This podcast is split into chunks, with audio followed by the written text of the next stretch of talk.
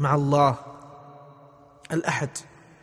يا من له وحدانية الذات ووحدانية الأسماء ووحدانية الصفات نسألك الإخلاص والحب والطموح. يا أحد يا صمد الله أحد في ذاته وأسمائه وصفاته فلا نديد له ولا شبيه ولا مثيل ولا نظير.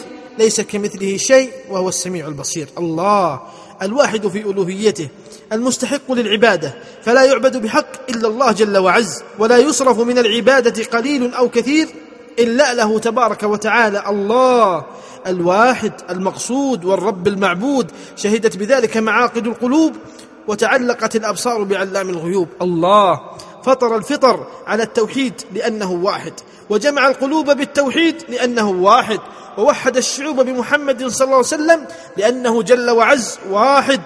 إنه الله الأحد. إنه الله جل شأنا وحسبي. إنه الله سلوتي في صلاتي.